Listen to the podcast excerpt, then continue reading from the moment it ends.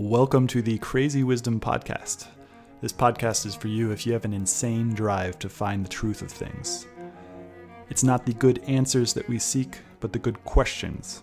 I interview a range of different guests from many different fields, all with the intention to uncover the simple truths that are hidden in plain sight. Most people don't want to go there. I go there. My guests go there, and you benefit. Please let me know if you enjoy these episodes, and as always, subscribe on iTunes, Spotify, or wherever you listen to the podcast. Welcome to the Crazy Wisdom Podcast. My guest today is Deborah uh, Simpier. She is the co founder and CEO of uh, Althea Network and Gravity Bit Bridge. Uh, so, welcome to the show. Yeah, thanks so much for having me. Excited to be here. Uh, what does the Althea Network do? Uh, so the Althea network is actually a system of um, interoperable microtransactions and a platform for agile routing. So what that empowers is machine-to-machine microtransactional payments and uh, essentially sort of fixes a lot of the problems the way we look at connectivity now.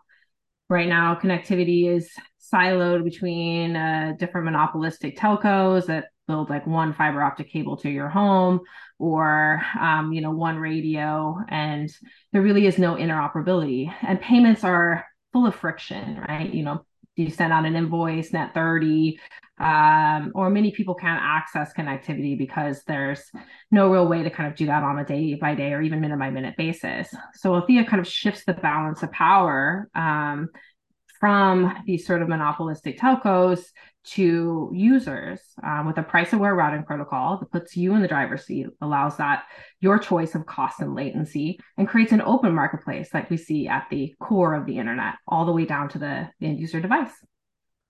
Uh, this is this idea has been thinking of uh, something I've been thinking about for a long time because the internet started off as this beautiful decentralized network that uh, was was truly peer to peer, and then it had this centralizing force that came in. What do you think that what do you think was responsible for that centralizing force that came in and said you know because email was supposed to be this thing that was strictly peer to peer and then it lost that vision and then google came in and and centralized it all under this on under this thing that worked for, for a long time but but now we're kind of entering this world where uh it doesn't work so well anymore. What do you think was that centralizing force that caused all of these uh, caused the internet to turn in from a from a decentralized peer to peer network to a centralized uh, client server model?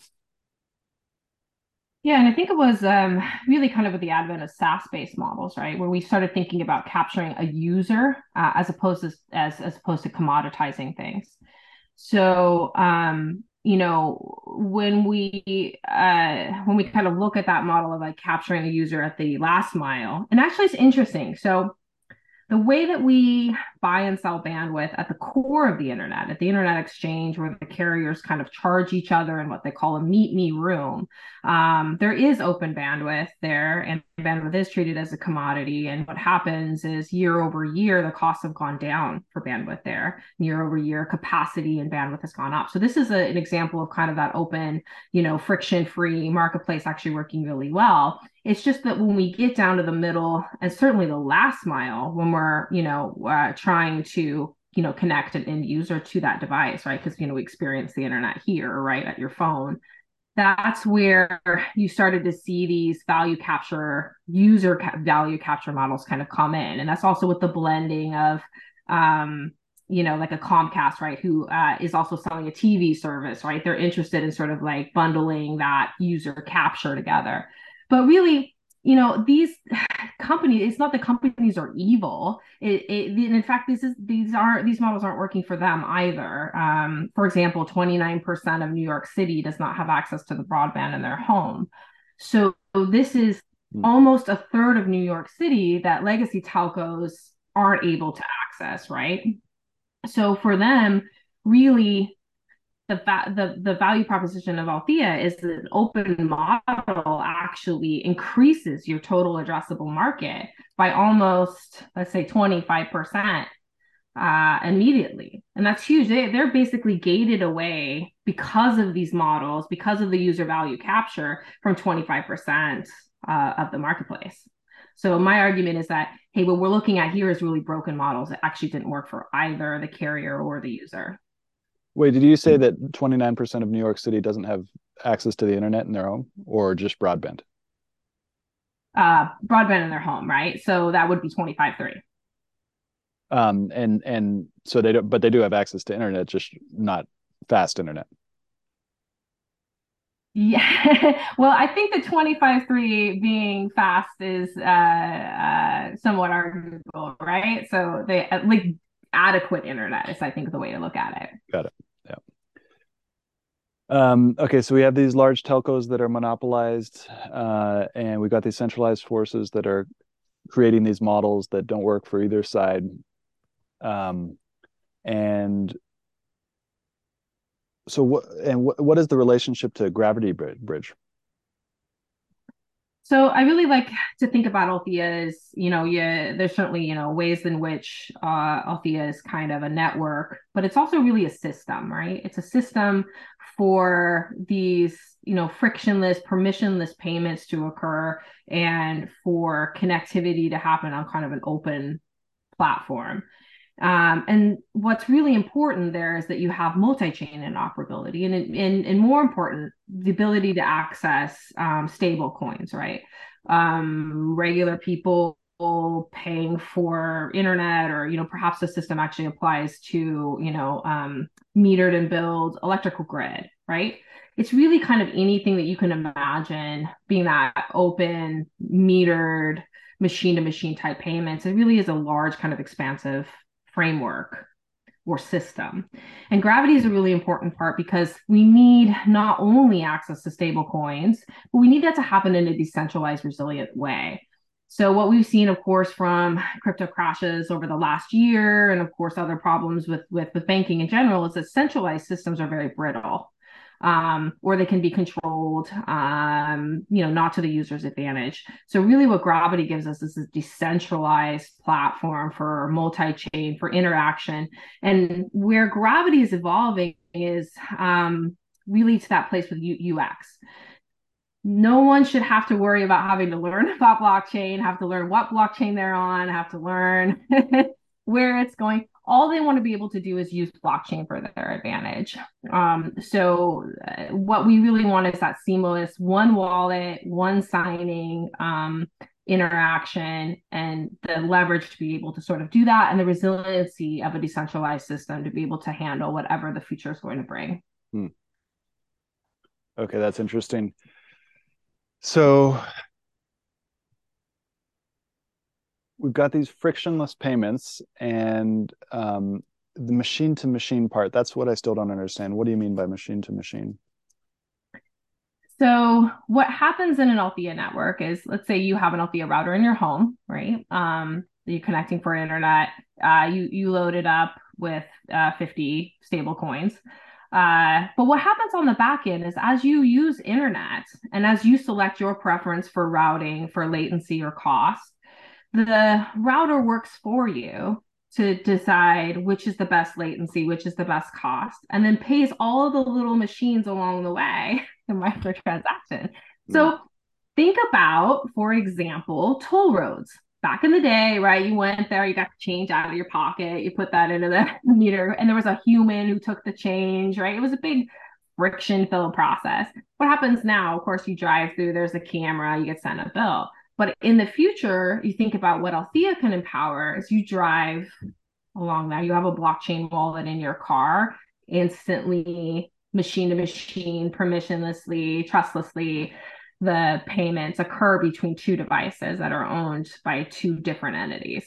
Interesting. Um, and is there any way to game that system, or have people tried to game that system? Well, there's always there's always going to be opportunities for that. But I think, you know, that's probably a question that's really kind of framed more around what occurs when people are trying to globally prove something.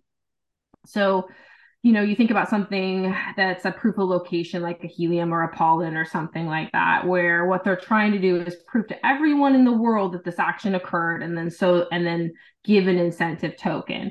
So Althea's perspective and the, and the system itself is very much um, just proving that something occurred between two devices. It's a very localized mm-hmm. trust system. Mm-hmm. And um, really, what you are also doing is um, instead of sort of like making coins out of thin air, what you're doing here is transferring. It's a proof of sale, essentially, right? Mm-hmm. I have delivered you X bandwidth. I'm going to pay you X money. Mm. Um, so it, it really is the idea that as we simplify, that there's a lot of power in simplification and um, improving something locally as opposed to the very complex. And we saw this with helium, right? So there was um, lots and lots of spoofing that happened. And in fact, they couldn't stop it. So what they did is licensed the hardware.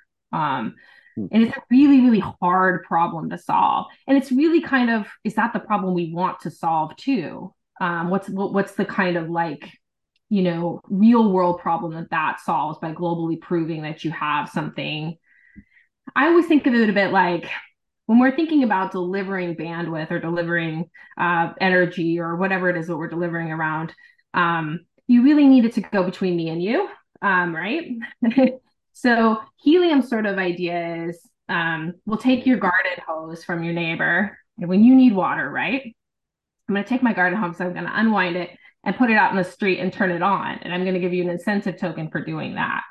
Well, sure, some water is probably going to get onto your lawn, mm-hmm. right? But it's not the most efficient way of building infrastructure. A much more efficient way of building infrastructure is me, you know, is is building decentralized pipes, right? And then metering sort of the quantity that's coming around. And so I know I gave you X amount of water, you're paying me this much. Mm. Interesting. Um, how many people are on your network now?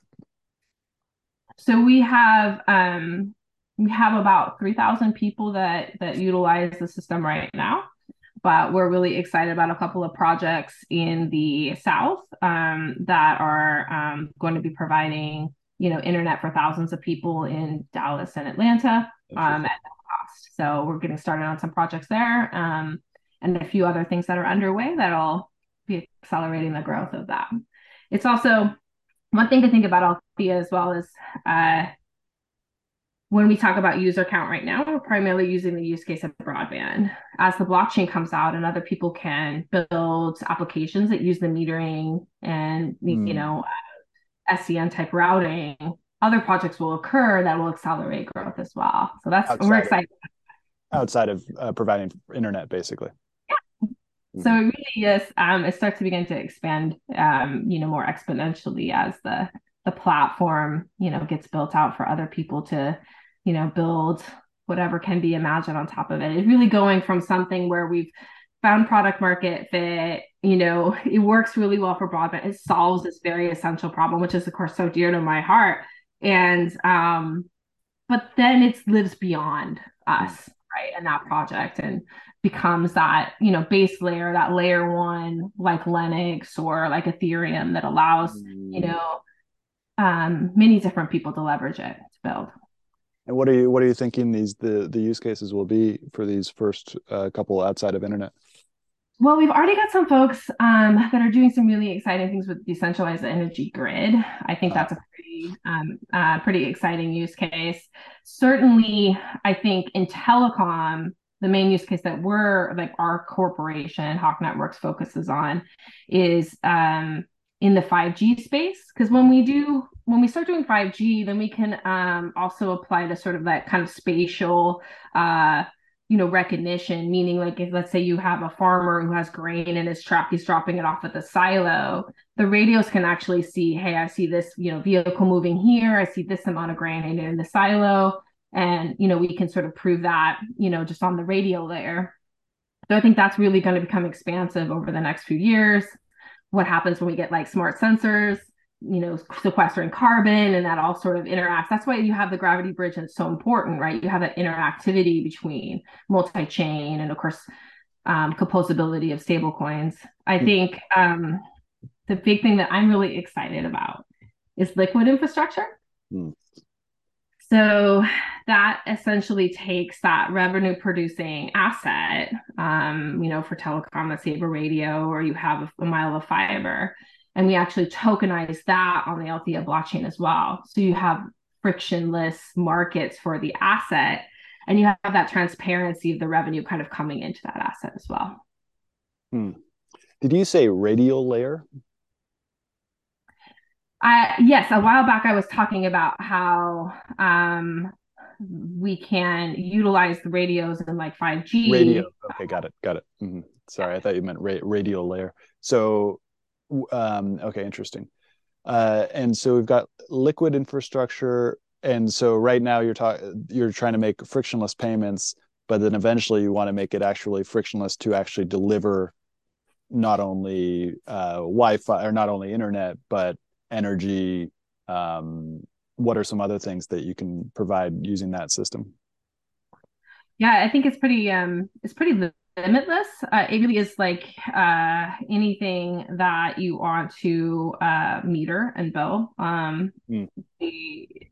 and and or has like a, a a, a spatial component to it, right? I think about the Althea wallets embedded in the vehicles, right? Um, think about all the different ways you can use that as you're driving along, you know, as you uh, maybe park at an electric charging station, as you're utilizing maybe the stoplights, as you go to a parking spot. I mean, there's so many different ways that these things, and as you can see from all of those different applications, it's really also about the connectivity layer, right? Um, you know, being able to sort of connect in uh, permissionlessly to different types of networks. One of the other trends that we're seeing that we're really excited about is um, private companies who are paying, you know, for connectivity. For example, let's say an EV manufacturer of a car, right? Mm-hmm let's say you've got a fleet um, or, or think about UPS or FedEx, right? They got a fleet of trucks. They got to pay for all their connectivity on that. That's quite expensive, but they also have a pretty extensive network footprint themselves. So, what's exciting about the work that Althea is doing and many trends in the industry is that they actually can put up their own hardware, build their own types of networks that offsets the cost, and then also allows them to participate mm. um, so, you know, you may be uh, pulling up to a, UP, a UPS uh, charging station, right? But with that interoperability layer, there's no like having to send a bill. Um, you know, so there's a lot of that that, you know, removes a lot of the problems with the existing kind of siloed networks that we see now. Mm. So, yeah, this is all building a picture of a sort of very decentralized world where a lot of the things that a lot of people spend a lot of time essentially doing busy busy work and administration all of a sudden get that time back. Um, and it brings me back to a question that i think about a lot on the show is we seem to be entering a decentralized world on steroids and previously in history when we've entered decentralized w- worlds it's usually been in times of like dark ages um, and but the picture you're describing but it seems like a um, an exciting vision of, of, of time doing stuff as well. Um, what do you think is the relationship like?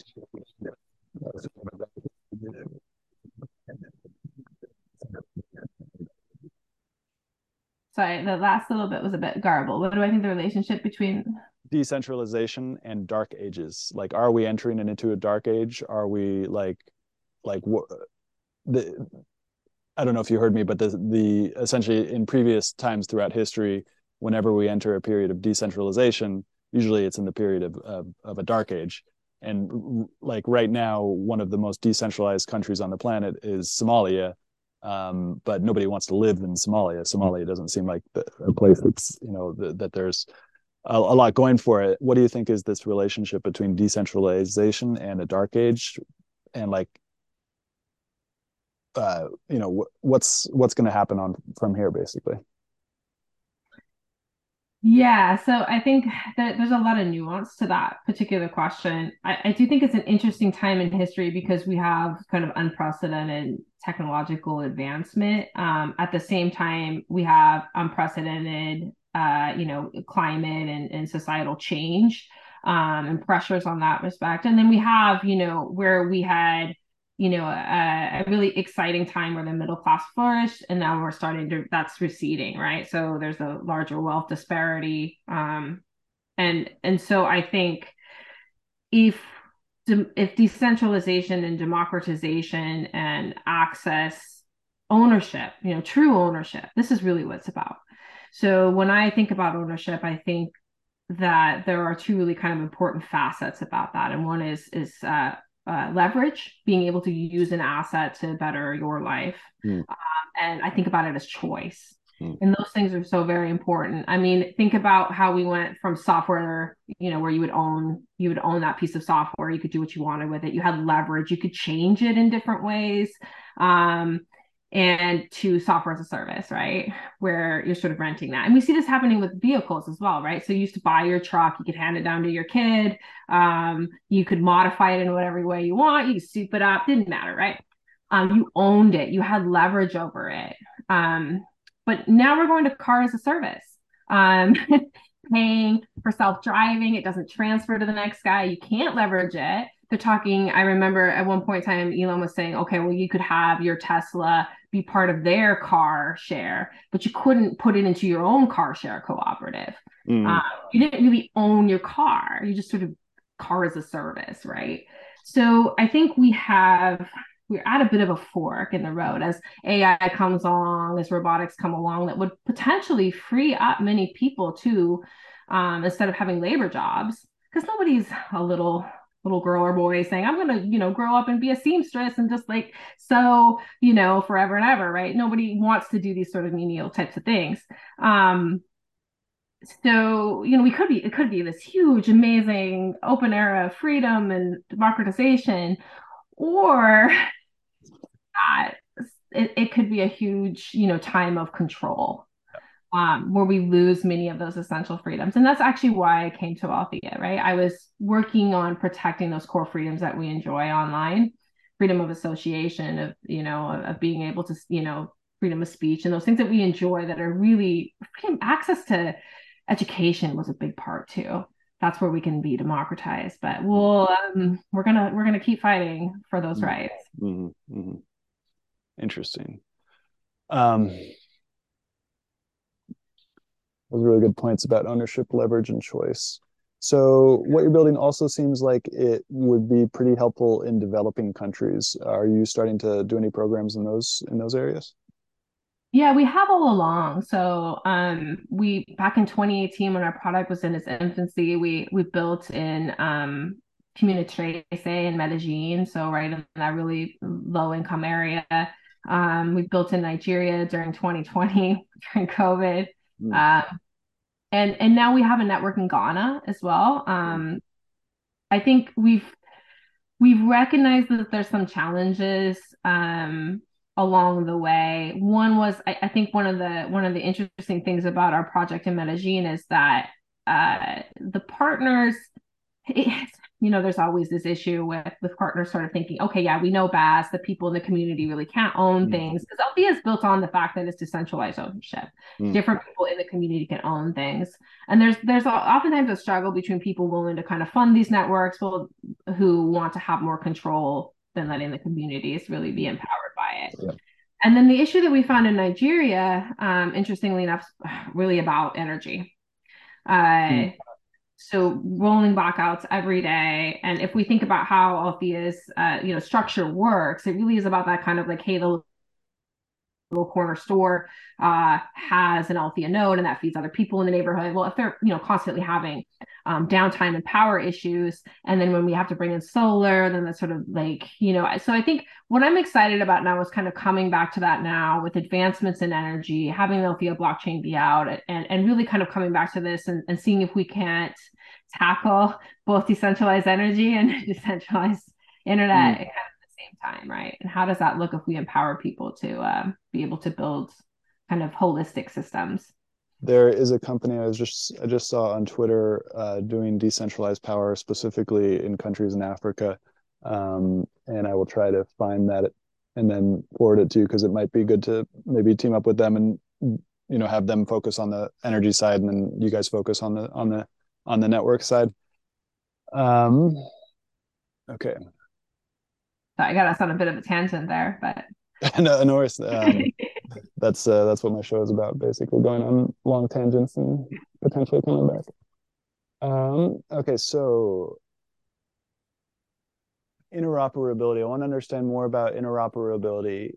I'll give you my understanding of what it is right now, um, which is probably pretty sparse. Uh, so I'm on the I have you know three Ethereum on the block on the Ethereum blockchain, uh, and I want to transact with somebody on the um, uh, Cardano blockchain. And interoperability basically gives me the ability to do that seamlessly and without pressing any buttons. Is that an accurate representation? Yeah, um, I think I think that is um, a pretty good high level. I think one of the exciting things and the reason why we chose Cosmos is because it's really focused on this interoperability in the UX. So there's um, something that uh, we're working on called interchain accounts that uh, you know uh, developed by the great folks over there at Informal on, on Cosmos um, and Interchain. But what that lets folks do is actually control accounts on other blockchains from your main account here. Oh, so cool.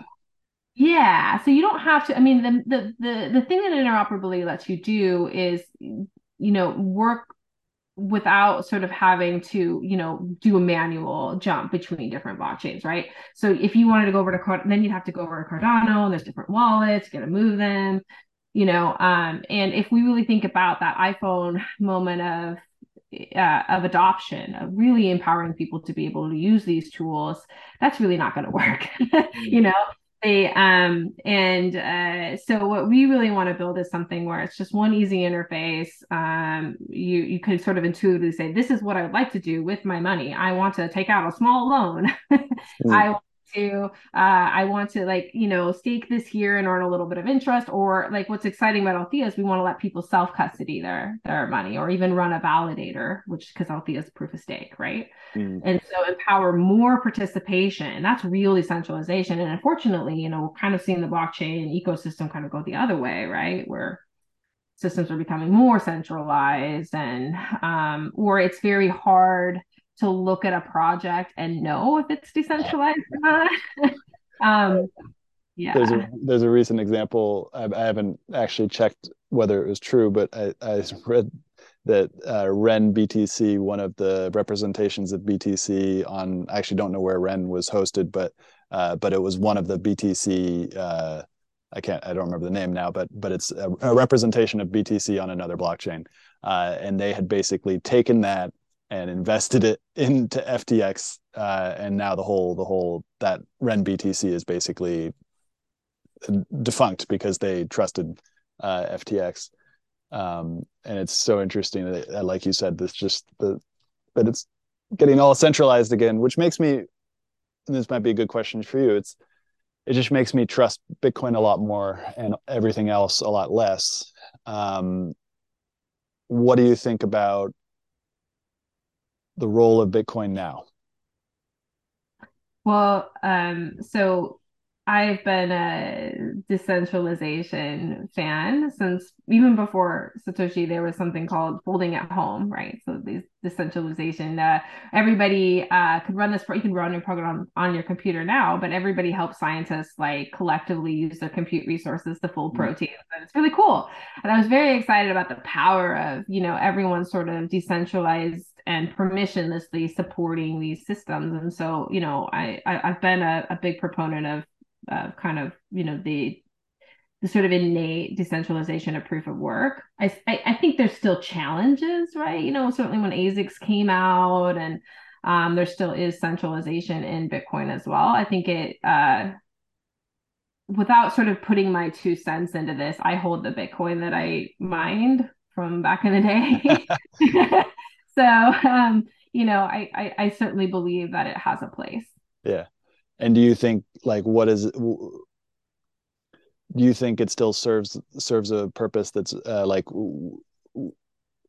what is what do you bet on? Are you betting on bitcoin or i mean obviously you're betting on a, lot a lot of you know other other things but what what do you trust most right now in terms of decentralization you know, I think it, it's something that I, I don't think we can sort of say like hard hard yeses and nos and hard, you know, sort of opinions about. I think it's an evolving and, and growing discussion. And the, the the thing about blockchain is you and I and everyone else gets to have an opinion in that, right?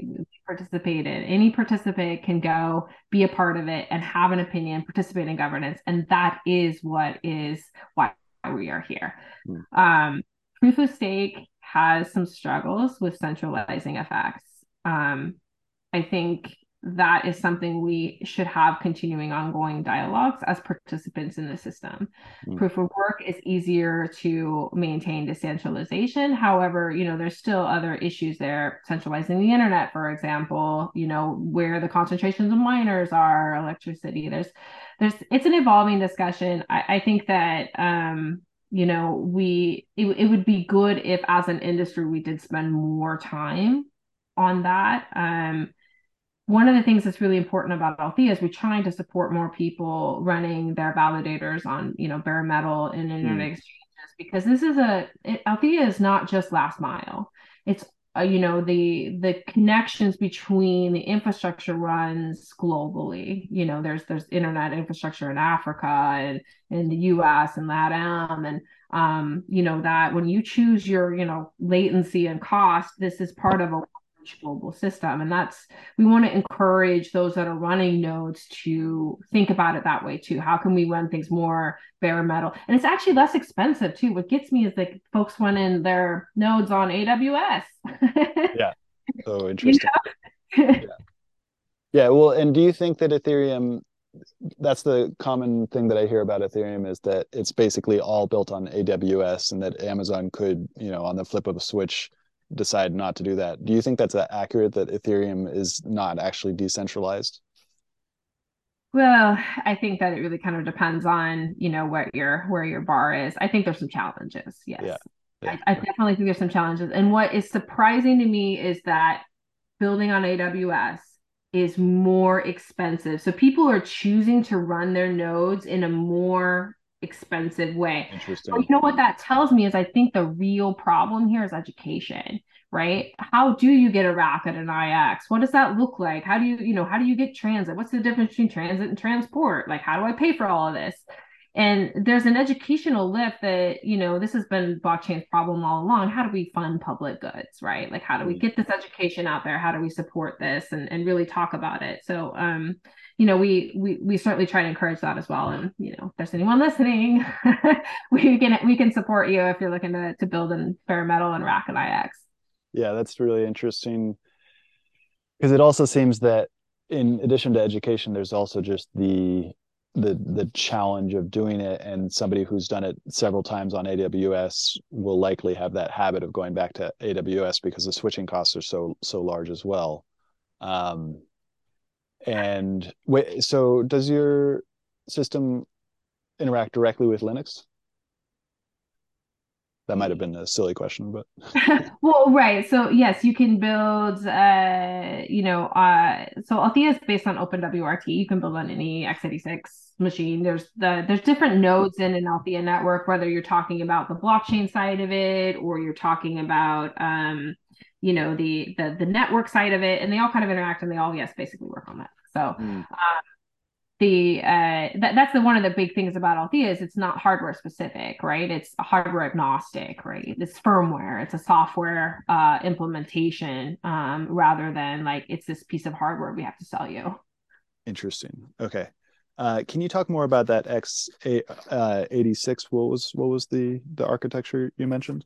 Yeah, so um, just basically any x86. So you can go buy the Dell server, you know, or if you, you know, we run them on Raspberry Pis, on a little, you know, old routers, um, pretty much anything, you know, that's uh, you got an old HP computer in your back, whatever, throw Althea on there and a network card, and you've got an Althea node instance. That's what's so. I mean, when we went to build Key LTE, that's why we, you know, that's what we are we're trying to solve. We said, hey, we've got a Linksys router runs Althea. Why don't we put the EPC, the LTE core, right into that home router? So anybody, you know, that's getting service, they want to expand and run an LTE network, do some smart ag, you know, um, offer, you know, we as we start thinking about LTE and phone networks, all of that can be expanded upon um, as affordably as going to Best Buy and buying a $200 router. That's what's so exciting. Oh, interesting. Um, okay, so this is fundamentally an innovation on the networking, the network card itself, uh, and so interesting because have you heard of Urbit before? Do you know Urbit? Oh, a little bit about Urbit. Yeah. So actually, a lot of uh, there's an intersection between Althea supporters and Urbit supporters. So, oh, cool. yeah. What is that? Uh, it just seems like a lot of folks gravitate yeah. to that. I, I, think there's also because um, Althea is a project that's not very hypey, so it's really uh-huh. logically based. Um, you know, it appeals to people that are looking to solve big problems, um, not necessarily just sort of pump a coin. Hmm. And so yeah, I've been Urbit is extremely hard to understand. Um, but one of the things that I've learned from it is that it's uh, essentially a peer-to-peer network that also has an operating system built into it that also has a hardware programming language called Nock, um, and that because because they're trying to replace the uh, huge amount of problems that have shown up due to kind of Linux being a very very old technology. Well, Unix Unix being a very old old technology, um, and that just like the whole thing is like band aid over band aid over band aid, and then and then peer to peer networks show up with BitTorrent and other other things like that, and all of a sudden like this networking angle that is so related to computing is there's like a divorce there because computing came up 20 years ago. So they're trying to redo the whole thing. Um, and so i've been trying to understand more about what networking actually is. Um, and this is really interesting because you're you guys are doing uh, kind of a rewrite of networking as as a way to make payments over the network become more facilitated. Is that accurate? Yeah i think i think that's right. It's, it's you know the internet's a series of tubes right? Mm.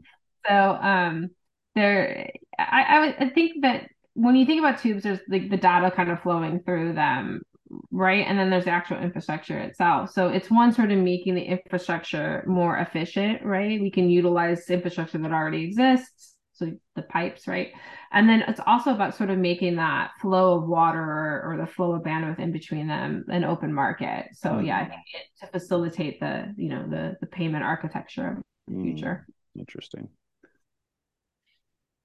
um, okay. So we talked a lot more about interoperability. Um, so we got about five ten minutes left. What are you most excited about right now? I, I think I'm pretty excited about the launch of the Althea blockchain. It's been a about a five year journey along the way. Um, and Althea took a little bit of a you know, a different tack than most blockchain companies. So most blockchain companies, when they build the blockchain and then they decided to see how it would fit into the world. Um, and so we very much worked the feedback loop of, you know, real people. What problems are we trying to solve? Does this work? You know, and then found where we fit and built a, and we're building the blockchain where we where that fits. Mm. Uh, so I'm excited to see that coming to fruition here in the first part of next year. Um, also exciting for that liquid infrastructure, which we touched on a little bit. I think it's pretty exciting to be able to perhaps democratize access to uh, fiber infrastructure, which is a 30 mm. or 40 year asset where anyone could could go and, and buy, you know, a mile of fiber, um, you know, or, or, or have hold that or perhaps have community models for funding those. Um, in addition, things like RF spectrum that's been very hard to sort of trade or to leverage around it. It's, it's very underutilized in many ways. Um, we can we can do that with liquid infrastructure as well. So I think. What do you mean by RF infrastructure? So if you think about licensed spectrum, right? The FCC license. Oh, interesting. Auction. Um, and then telcos are able to use that to broadcast at you know higher um, amounts of power and that helps them propagate radio signals through trees and all things, right? And that's really why um, it's easier to kind of go in as a big telco because you can afford things like RF spectrum, but out in a rural place, right, um, or maybe an underserved urban place, it doesn't really make sense um, for them to build infrastructure. So they're sitting there on underutilized spectrum asset. Um, and it's really there's really no secondary market for it. It's really hard for any kind of uh, leasing or things to happen there. And it's really about those frictions, right? That's really mm-hmm. the, what Althea's designed to solve for. So when we have liquid infrastructure, we can make that into a non-fungible token or even a fungible token later. And and uh, that can be something that can have royalties attached to it. It can have an embedded, you know, contractual to, uh, piece of that. Um, and that can be leased out or or, or leveraged or uh, bought and sold a lot easier. That's really interesting. So that that's essentially what you guys are trying to do is basically monetize these areas that are underserved because of various technical challenges with the actual the high capital requirements of building infrastructure to target these things and then create a system that makes those more available for and uh, like stimulates the uh, the growth of the in- infrastructure in these areas that the traditional legacy system can't reach. Yeah, I think it's more of a fundamental kind of rethink of the actual, um, you know, systems and models of, um, you know, how, uh, you know, bandwidth and of course other things are are metered and delivered, um, mm. and and sort of restructures that. I think that's I think that what you're describing in terms of like the uh, reduction in cost in building infrastructure and uh, those are just kind of outcomes of of, of, of redoing a model that aligns the user and the carrier um, mm. which kind of Althea does. And it's that platform Althea is kind of that underlying platform that empowers all of that to happen. Yeah interesting. That's really cool. Um what is the blockchain uh what uh programming language is it built in so it'll be written in the Cosmos SDK. Uh, again, kind of uh, the reason for that is you get to build a sovereign blockchain. You know, we can have lots of validators, like including all the users eventually. Um, we'll, well, uh, the idea is to build with uh, an EVM, uh, the Ethermint module, right, which allows people to come in and build solidity type stuff on top of the Althea blockchain, which is pretty cool because of course that's more common. Um, and then it'll be connected to the gravity bridge. That's really that kind of interoperability. Mm-hmm. And then you have kind of that interchain accounts, which is the the UX for everybody to use that. So that kind of end-to-end system. What do you think the effects of interoperability will be if it's all seamless? Uh, what what will the effect of an interoperability be in terms of the actual value of a token because to me it would seem like that would be just like a highly i don't know inflationary envi- environment because it takes these tokens that are supposedly like currency uh, and then brings them all together in a way that's really seamless. Do you do you think there will actually be an effect in terms of interoperability on the on the uh, economic mechanics of different coins tying them all together? Um Perhaps just to clarify a little bit, I, I think um, so. The Althea blockchain itself secures the kind of settlement layer, and token the, the the the money moving around is Gravity Bridge uh, mm-hmm. USDC. Yep. Yep. Uh, so you you're uh, if you have a router and I have a router, the those routers are sending payments. It's going to be in USDC. Um, oh, got it. Interesting. Yeah, so it's in a stable coin, and if I'm a user, all I'm ever act interacting with is you know these these secondary tokens, yep. right? The Althea blockchain um, tokens themselves uh, will be utilized for um, you know minting the liquid infrastructure. Um, so there's a there's a use case kind of beyond behind that there. Um, and then the you know like mini blockchains, there's a there's a the a, a fee that uh, is associated. Mm um, that um, and, and, what's neat, like for example, Gravity Bridge community just uh, voted to support a a fee for gravity, and that's in the token being transferred across the bridge. Hmm. Interesting.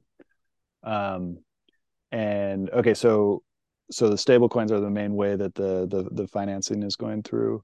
Um, but yeah. to to that question, do you think that if everything's interoperable, uh, do you think that will like separated from Althea? Do you think that will have an effect on uh, kind of pricing and, and economics of, of coins and stuff? So uh, what we try to focus on is use case, right, and, and revenue, right? Uh, it, it, so we we think the kind of mechanisms that drive value are more people utilizing it, sending, you know, uh, setting up nodes, building on top of it, and all of those uh, transactions and payments drive revenue into the system, drive more fees, right? Um, and so we really kind of focus on like, is this is this real revenue, right? That's really where our headspace is at. Is like, you know, the, the the the price of the token is, is is something we don't usually kind of like think about in a speculative way. We think about it in terms of like how do we drive use case and growth and traction and more revenue. Hmm. Um, cool. So yeah, I think uh, I think we can wrap wrap it up now. Uh, thank you so much for coming on the show. And and how can people find out more about what you're working on? Yeah, we'd love to um, have you join us on Twitter or Discord. We should have a pretty exciting LinkedIn page as well. Um, or just reach out on the website. There's a place to kind of sign up and learn more or become a partner at althea.net. Cool. So check out althea.net and go check it out on Twitter and Discord and LinkedIn, and I'll put those in the show notes. So thank you so much. Yeah, thanks so much for having me. Thank you for listening, and I hope you enjoyed this episode. As always, you can find me on Twitter at Stewart Alsop III. Also, don't forget to subscribe on Spotify or iTunes for every weekly episode that I publish on Monday mornings. Hope you have a great day.